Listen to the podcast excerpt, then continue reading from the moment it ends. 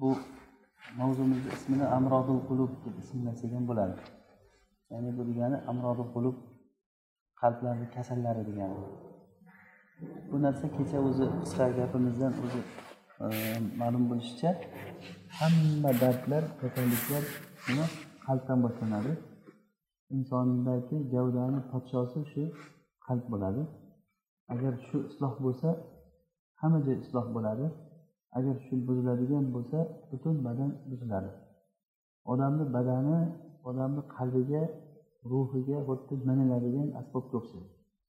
Miniladigan bir ishidagi otga o'xshadi asosiy narsa uni ustidagi odamga qaraymiz tagidagi ulovga emas. Shuning uchun inson o'zini qalbi bilan odam. Eng katta farq mana shu kofir qalb bilan mo'min qalb bir biridan ajralishligi bilan hayotda mana shunaqangi e, ollohni sunnati joriy bo'ldi. Alloh subhanava taolo aytadiki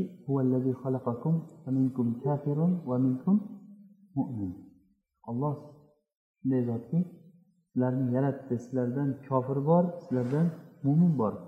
Xohlang xohlamang odamlar mana shu ikkiga ajraldi. Mo'min bilan kofirni ikkovsini yonma yon qo'yib qo'ysangiz nima farqi bor? Shunday tursa. Hech qanday farqi yo'q. Ba'zida kofirlar chiroyliroq bo'lishi ham mumkin to'g'rimi masalan mushrik ayol mushrika ayol mo'mina ayol bilan yonma yon turganda ba'zan mushrika ayol bizni ajablantirishi ham mumkin qur'onda aytgan ولعبد مؤمن خير من عبد من ولو أعجبكم agar sizlarni ajablantirsa ham degan demak kofir odam ba'zan bizni ajablantirishi ham mumkin. Kofira ayol ba'zan bizni ajablantirishi ham mumkin. Demak shaklda mo'mindan ko'ra yaxshiroq bo'lishi ham mumkin. Shaklda. Lekin u kofir bo'ldi u u ollohni huzuriga borganda uni bir tiyinda qiymati yo'q uni. Alloh taolo unga qaramaydi unga gapirmaydi. Unga alamlanadigan alamlantiradigan azob bor deyildi o'sha kofirga.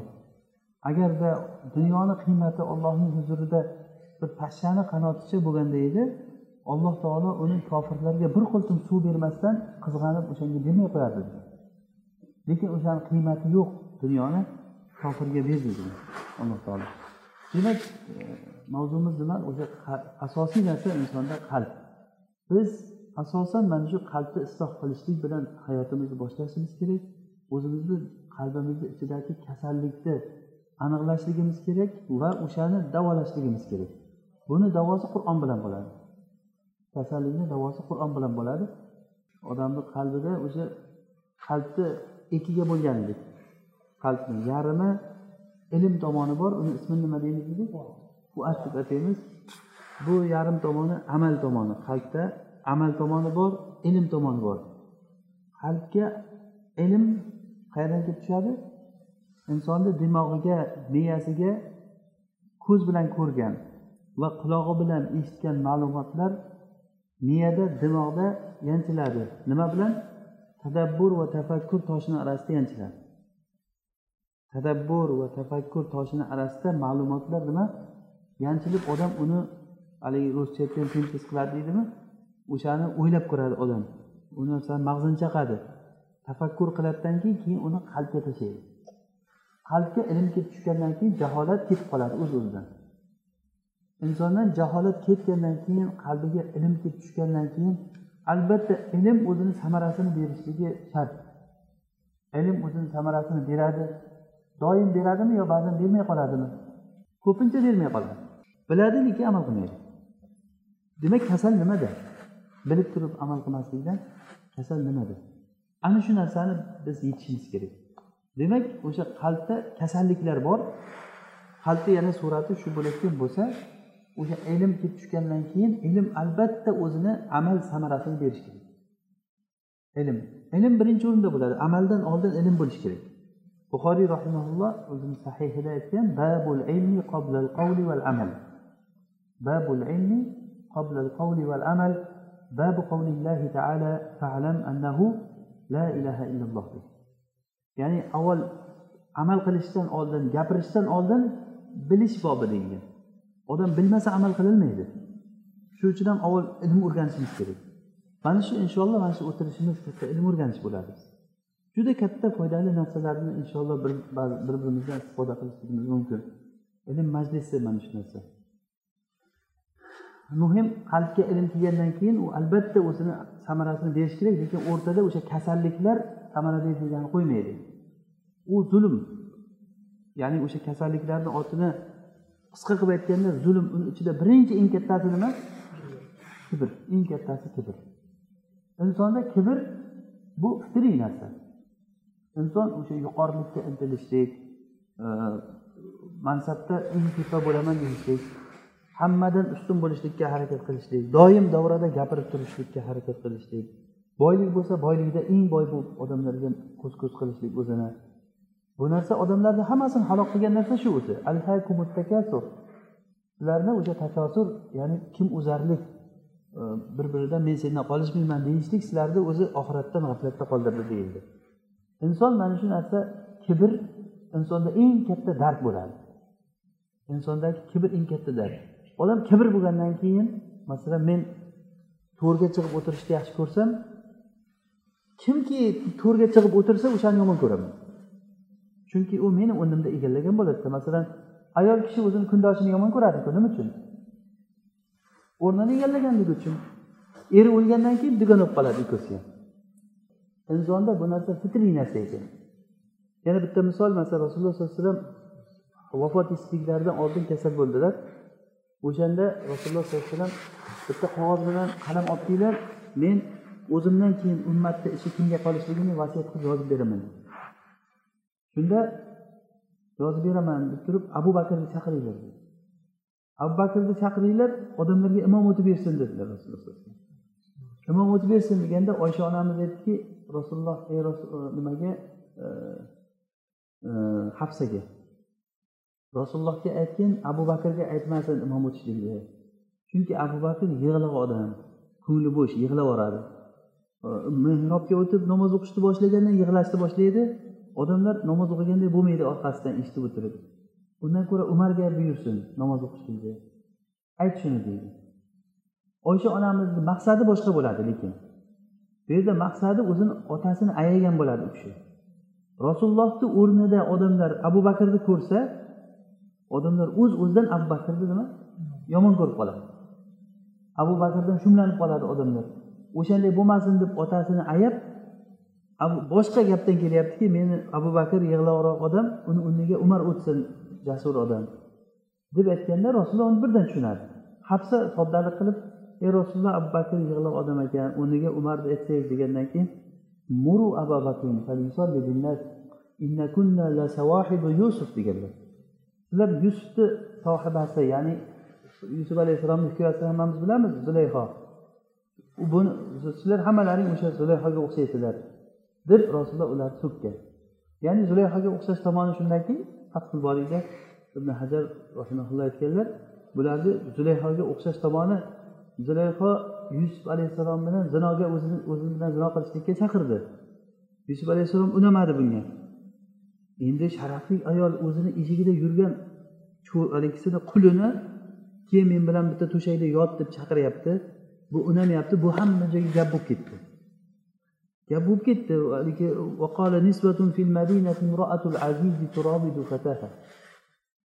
u azizni xotini bo'la turib o'zini fataha degani o'zini qulini e, to'shakka chaqiribdi. Bu nima degan gap bu? deb hamma ayollar gapirganda buni eshitgandan keyin hammalar kelib bir ziyofat qilib beray sizlarga degan maqsadi ziyofat qilish emas edi uni. Maqsad boshqa narsa edi. Ularni ziyofat qilib hammasini qo'liga bitta bitta meva berib mevani nimaligi aytilmagan e, ba'zi kitoblarda o'sha behi bo'lgan deydi ba'zilar olma bo'lgan deydi u muhim emas. Meva berganda qo'liga pichoq bergan. Shuni archib turinglar degandan keyin qo'lida pichoqda mevani archtirib yusuf alayhissalomga chiq degan ularni oldiga chiq degan ular yusuf alayhissalom ko'rgandan keyin hammasi ollohu akbar deb yusuf alayhissalomni katta nima deb yubordi juda ulug'lab yuborgan eh deb yuborgan ko'rib. Degan bu farishta bu degan. Shunda qo'lini kesib kesib tashlagan hammasi ko'rganligidan yusuf alayhissalomga qarab o'tirgan joyida qo'lini kesib tashlagan ekan ayollar. Shunchalik darajada aql ketib qolgan. Qalbi oshiq bo'lganligidan keyin aytganki boyagi zulayho ana shu edi meni maqsadim degan. Ko'rdinglarmi degan sizlar meni aybladinglar to'shakka chaqirganimga. Men uni talab qildim lekin u o'zini ismatini saqladi unga ko'nmadi degan.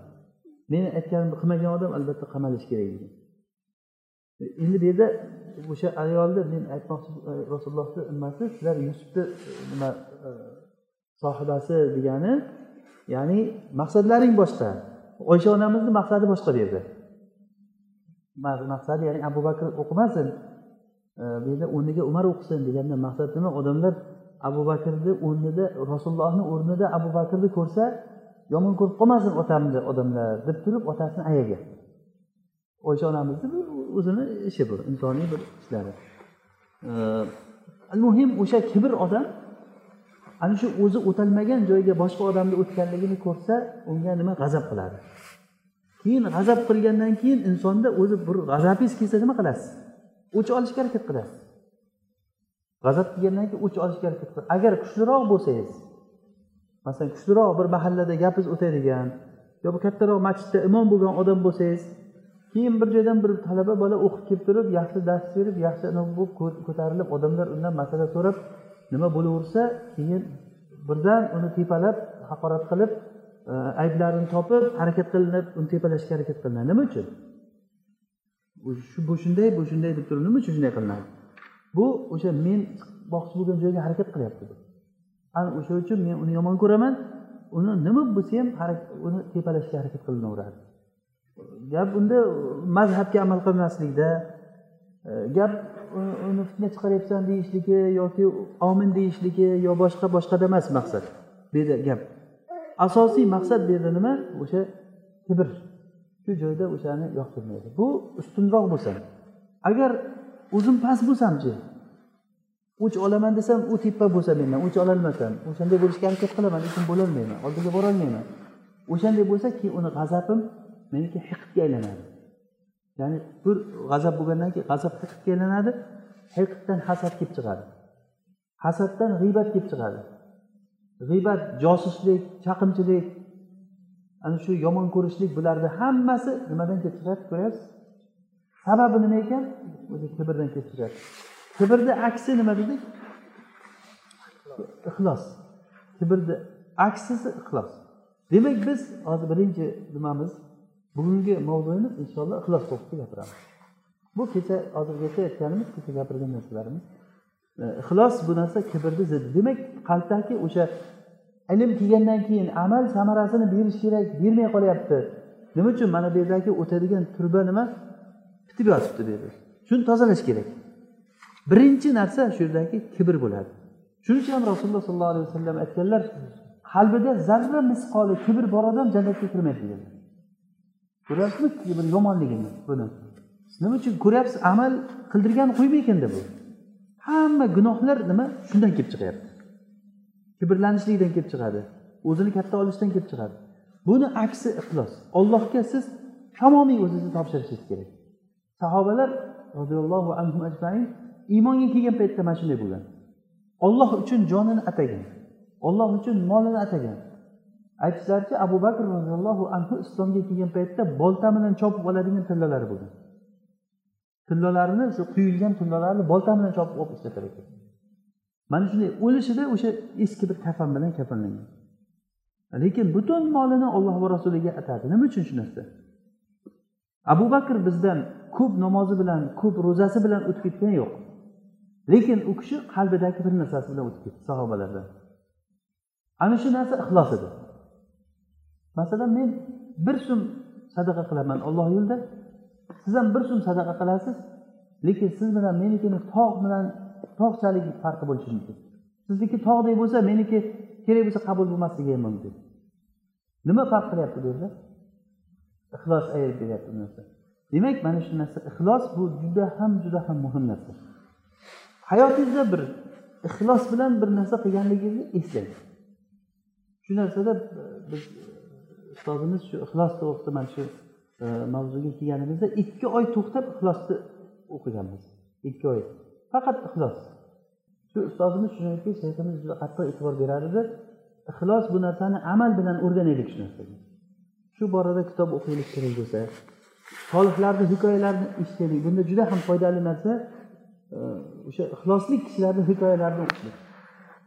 Ali roziyallohu anhu bir kofirni quvib borgan paytda shu o'ldiraman deb shunday qilichini yuziga ko'targan paytda yuziga tuflagan ekan haligi tuflaganda boyagi o'ldirmay orqaga qarab ketgan nimaga o'ldirmading deganda aytgan ekanki birinchi ko'targanimda olloh uchun ko'taruvdim keyin tufladi o'ldirsam o'zim uchun o'ldirgan bo'laman degan bu narsa nima uchun? O'sha qarangda qanchalik o'sha oldingilar haligi o'zini qalbi bilan shug'ullangan bu narsada bir kuni sufyan savriy rahimaulloh dars aytib hadis halqasida dars aytib turgan paytda u paytlar shu hadis halqasi shunchalik bo'lganki minglab masalan imom ahmadni halqasiga o'n besh ming odam kelar ekan. o'n besh ming. Shundan besh mingtasi hadis yozar ekan. Hadis halqalari shunaqa bo'ladiki o'sha hadis halqasida bir chuvun ichsa uchsa bilinadigan bo'ladi.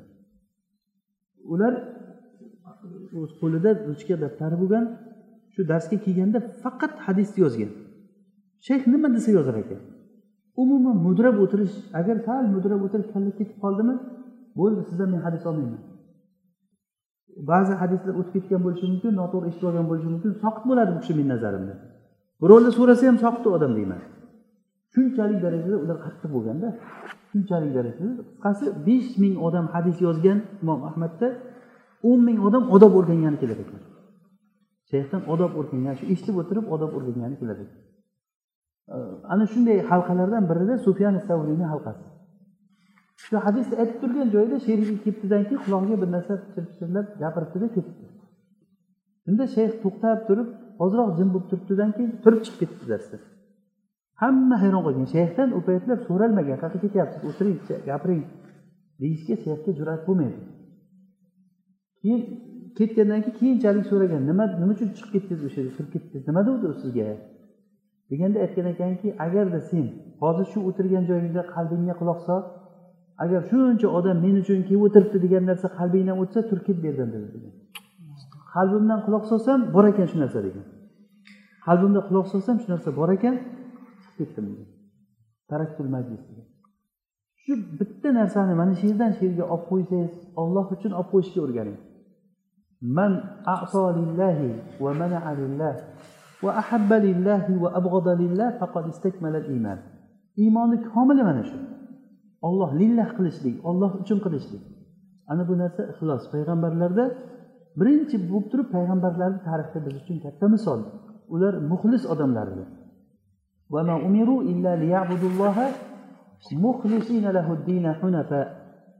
qarang keyin kelyapti. Birinchi o'rinda bizga biz buyurilgan narsa o'sha ollohga dinni xolis qilgan holatda ibodat qilishlik mana bu narsa o'sha ixlosdan siz hayotingizda o'zingizni tajriba qilib ko'ring o'ziga o'zi savol berib ko'ring. Shu men shu bir ishlar qilganmanmi masalan? Olloh uchun xolis olloh uchun boya aytganimizdek ali roziyallohu anhuni misol qildik. Yoki boya e, tarixiy bir misolda misol qildik masalan. Mana shu narsa bizda menimcha yetmaydigan narsa.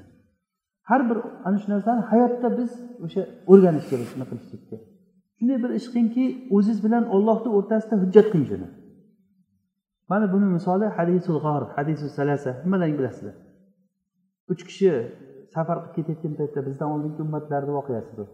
Buni rasululloh sollallohu alayhi vasallam aytib bergan sahih hadisda bu mashhur hadisul g'or degan unvon bilan mashhur bo'lgan safar qilib ketib ketishda bir joyda yomg'ir yog'ib qoladi yomg'irdan qochib g'orga kiradi. G'orga kirgandan keyin tepadan bitta katta tosh dumalab kelib turib g'orni og'zini qoplab qoladi. Baqirsa hech kim eshitmaydi chekka joyda toshni itarsa kuchaytmaydi bular aytadiki bu joydan endi sizlarni faqat amallaring najot toptiradi deydi bir biriga shunda amalini o'rtaga qo'yib ollohdan so'rash boshlanadi. O'shalardan uchalasi ham bittasi men qo'shnim bor edi deydi bilasizlar hadisda? Qo'shnim bor edi qo'shnimni qizi juda ham men uchun eng aziz ayol edi yaxshi ko'rgan qiz edi Э, keyin bir kuni menga turmushga chiqishga so'raganimda ham tegmagan э, keyin bir ocharchilik bo'lib qolib qorni och qolib qoldi deydi qorni och qolib qolib juda ham ocharchilik bo'lganda non so'rab kelganda agar bir marta men bilan shu zino ishini qilsang beraman deganda majbur bo'lib turib bo'pti mayli degan. U o'sha ayoldan keyin erkak kishi o'zini xotinida o'tirayotgan joyga o'tirgan paytimda haligi ayol ollohdan qo'rqdim. Sen o'sha qulfni olloh egasini o'zingiz buzmagin deb aytgandan olloh uchun shu tarqib ketdim degan. Ey robbim agar shu narsa sen uchun bo'lgan bo'lsa xolis bo'lgan bo'lsa bizni bu yerda najot toptir deganda salgina deydi boyagi tosh. Lekin chiqolmaydi ikkinchisi chiqib aytgan ey robbim meni qari ota onam bor edi. Men nimalarni tuyalarni boqib kelardimda kechqurun o'sha tuyalarni sog'ib sutini olib kelib ota onamga ichirib keyin bolalarimga ichirardim. Bir kuni nimadir sabab bo'lib qolib kechikib qoldim desam ota onam uxlab qolgan ekan. Keyin shu e, qo'limda tuyani sutini ushlab ota onam turguncha ushlab turaverdim bolalarim oyog'im tagidan chirqillab menga bering bering deb yig'lab turaverdi lekin bermadim ertalabgacha mana shu ishda o'tirdim degan agar ishlatdim u odam ishladi ishladidan keyin xizmat haqisini olmay ketib qoldim degan olmay keyin uni xizmat haqisiga men bitta mol sotib oldim degan mol sotib oldim. U mol tug'di ko'paydi tug'di ko'paydi tug'ib tug'ib tug'ib bir vodiy bo'ldi degan. Haligi mollar bir vodiy bo'ldi keyin cho'ponlar sotib oldim unga degan o'shani o'zini puliga. Haligi vodiy to'lgan paytda boyagi keldi bir joydan paydo bo'ldi. Ey falonchi abdulloh meni haligi ishlab ketgan haqimni ber shunda mana shu vodiydagi mol hammasi seniki deb aytdi. Meni ahmoq qilmagin. Men sendan haqimni so'rab keldim. Haqimni bersa yo'q men seni ahmoq qilganim majmul hammasi seniki. Degandan keyin haligi odam bitta ham qoldirmay olib ketdi haydab agar shu berib yuborishligim o'zing uchun bo'lgan bo'lsa bizni najot toptir deganda tosh ochilib najot chiqib ketdi. Bu shu dunyodagisi mayli tosh ochilmasin ham. Lekin erta ollohni oldiga boramiz hammamiz. Rasululloh sollallohu alayhi vasallam aytganlarki sizlardan har birlaring ollohni oldida turib yuzma yuz gaplashasizlar. Siz bilan ollohni o'rtasida tarjimon bo'lmaydi. Yakkama yakka gaplashadi olloh mana shu kunni eslang. O'sha paytda sizga bitta ixlos bilan qilgan ishingiz foyda beradi. Bitta ish bo'lsa bo'ldi inshaalloh. Lekin xolis bo'lishi kerak. Bir fohisha ayol yoki erkak rivoyat ikki xil kelgan bitta itga suv berib jannatga kirdi degan. Jannata ya'ni yoki boshqa bir ayol bitta mushuk sababli do'zaxga kirdi. Boyagi jannatga kirgani bir yurib kelayotganda quduqni oldidan kelib turib suv ichib qarasak quduqni oldida bir it turpoqni yalab turgan bo'lgan suv ichaganligidan u yerda hech kim yo'q. Birov ko'rgan yo'q uni maqtay desa. Keyin haligi ayol ko'rib turib bu it bechora chanqab ketibdi men ham chanqagandim. U ham chanqabdi deb o'zini mahsisini yechib og'ziga tishlab quduqni ichiga kirib haligi suvni olib og'ziga tishlab quduqdan olib chiqqan suvni u yerda oladigan bo'lmagan ekan quduq. Ana shu ishini nima uchun qildi shuni? Lillah olloh uchun qildi. Ana shuni alloh taolo qabul qildida jannatga kirdi. Fohisha ayolni qilgan ishini o'sha ishini bir odamlar ko'rgan yo'qda endi mahallani ichida bo'lsa odam mahalla maqtaydi deb qilishi mumkin. Yoki bir insonga qilsa u inson borib meni yaxshiligimni birovlarga aytadi deyishi mumkin hech kimga aytilmaydi tili yo'q uni olloh uchun undan boshqa narsa emas. Ana shuni alloh taolo qabul olloh shakur zot. Ollohni sifatlaridan biri nima? Shakur. Alloh taolo hech qachon insonni qilgan ishini e'tiborsiz qaratmaydi. Ollohga tog' misolichalik katta tilla bermang. Bir dirham bersangiz ham olloh uchun lillah bersangiz shu narsani alloh taolo ko'paytiradi. Rasululloh aytganlarki sizlarni sadaqalaring faqirni qo'liga tushishligidan oldin rahmonni qo'liga tushadi degan buxoriyni hadisida kelgan alloh taolo u sadaqani kattartiradi xuddi sizlarni bittalaring o'zini toychog'ini kattartirgandek toychoqni tarbiya qilib kattartirib unga suv berasiz qoshilaysiz nima qilasiz ovqat berasiz katta bir ot bo'ladi bir kuni. Sadaqa tog' misoli bo'lguncha alloh taolo uni kattartiradi degan demak bu yaxshilikni hech qachon la minal ma'rufi shay'an degan. Siz ma'rufni hech qachon kichkina demang. Do'zaxdan bir xurmo berib bo'lsa ham saqlaninglar dedi rasululloh sallallohu alayhi vasallam. Demak hammasini yig'ishtirib kelsangiz bu nimaga ixlosga taqaladi? Rasululloh sollallohu alayhi vasallam aytganlar bu buxoriyda birinchi hadis. Ulamolarni e, aksar ulamolarni odatlari mana shu hadis bilan kitoblarini boshlaydi innamal amalu binniyati va innama likulli imri'in ma nawa amallar niyatlar bilan bo'ladi kim nima niyat qilsa o'sha bilan bo'ladi فمن كانت هجرته إلى الله ورسوله فهجرته إلى الله ورسوله ومن كانت هجرته لدنيا يصيبها أو امرأة ينكحها فهجرته إلى ما هاجر إليه kim nima niyat qilsa shu kimki hijrati olloh uchun rasuli uchun bo'lsa buni hijrati olloh rasuliga bo'ladi. Kimni hijrati bir dunyoga erishadigan erishish bo'lsa yoki bir ayolga uylanaman deb turib hijrat qilsa uni hijrati o'sha narsaga bo'ladi. Ayolga yoki dunyoga bo'ladi. Oxiratda u uchun hech qanaqangi nasib bo'lmaydi. Abu hurayra roziyallohu anhu aytganlar men sizlarga rasulullohdan eshitgan bir hadisni aytib beraman deb hushdan ketib qolar ekan yuziga suv urib o'ziga kelgandan keyin nima demoqchi eding deganda aytgan ekanki men rasulullohdan bir hadis eshituvdim deb yana hushdan ketib qolgan uchinchi martasida aytgan ekanki men rasulullohdan eshitganman birinchi o'rin do'zaxda qiyomat kuni do'zax qizdiriladi do'zaxga uloqtiriladigan birinchi odam olim kishi bo'ladi degan qori olim odam bo'ladi. Birinchi odam. Alloh taolo olib keladi o'zini ne'matlarini tanitadi u odam taniydi. Men senga shuncha ilm berdim mana qur'onni o'rgatdim. Nima qilding deganda haligi odam men sen buyurgan joylarda hamma joyda qur'onni o'qidim degan. Odamlarni da'vat qildim. Qur'onni o'qidim deganda alloh taolo yolg'on gapiryapsan sen qur'on o'qiding odamlar seni qori deyishi uchun gapirding olim deyishlik uchun gapirding laqot qiyil aytildi sen nasibangni olding dunyoda. Shunda buyuriladi yuzidan oyog'idan ushlab yuzi bilan sudrab olib borib do'zaxga otib yuboriladi ikkinchisi eng molini olloh yo'lida nafaqa qilgan odam saxiy odam. Olib kelinadi nima qilding deganda shunaqangi sadaqatlar qildim. Olloh o'zi ne'matini tanitadi. Shuncha mol berdim senga. Ha berding. Nima qilding deganda birorta bir joy qoldirmay nafaqa qildim. Shunda alloh taolo yolg'on gapiryapsan. Sen saxiy deyilishligi uchun qilding. Deyildi ham deydi olib borib turib uni ham do'zaxga tashlaydi uchinchisi shahid. Olloh yo'lida o'lgan odam. Uni ham olib kelinadi hisob kitob qilgan alloh taolo unga ne'matini tanitadi taniydi. Nima qilding degandan keyin men seni yo'lingda urushib hatto jonimdan ajraldim o'ldim. Shahid bo'ldim deganda yolg'on gapiryapsan. Sen bu ishingni odamlar buni jasur pahlavon desin deb qilding. Aytildi endi sen boradigan joying do'zax. Mana shu uchalasi bizni nazarimizda shu dunyoda eng ulug' odamlar. Eng ulug' odamlar shular. Olim kishi sahiy odam va uchinchisi shahid. Do'zaxga kirayotgan birinchi odam ana shular. Bu sahih hadisda kelyapti hammasini sababi nima? O'sha ixlos bo'lmaganligidan. Shuning uchun ixlosni nima? Buni amaliy o'rganaylik. Har bir odam o'ziga savol bersin. Qalbingizdan so'rang. Umrimda shu bir ish qilganmanmi? Agar olloh uchun bir ish qilgan bo'lsangiz shuni hozirgacha asrab kelaolyapsizmi yo yo'qmi?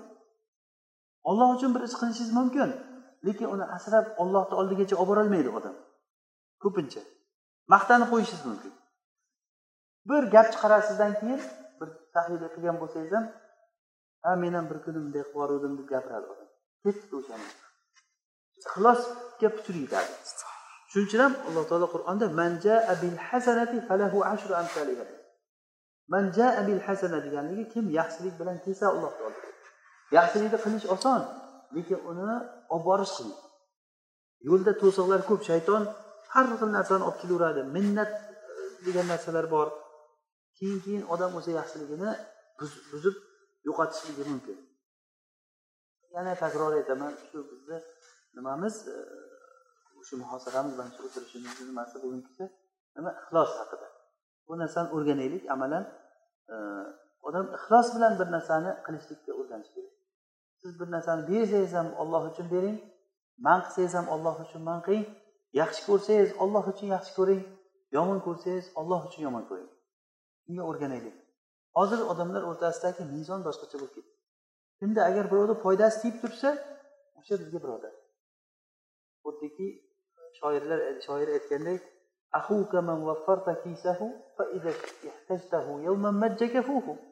seni birodaring uni cho'ntagini sen to'ldirib turgan odam. Bir kuni muhtoj bo'lsang senga tuflaydi degan haqiqatda o'zi bizni birodarchiligimiz inshaalloh bizniki olloh uchun hammamizniki hozirgi odamlarni aksar odamlarni bir biriga do'stligi dunyo uchun bo'lib qolgan bu narsa. Illo iymon keltirgan odamlarda lillah bo'ladi bu narsa yaxshi ko'rishligimiz lillah bo'ladi gapirishligimiz lillah bo'ladi mana shu o'tirishimiz ham lillah bo'ladi inshaalloh. Bitta mana shu o'tirishimiz kerak bo'lsa jannatga olib kirib qotish mumkin inshaalloh. Mana shu o'tirishimizni o'zi.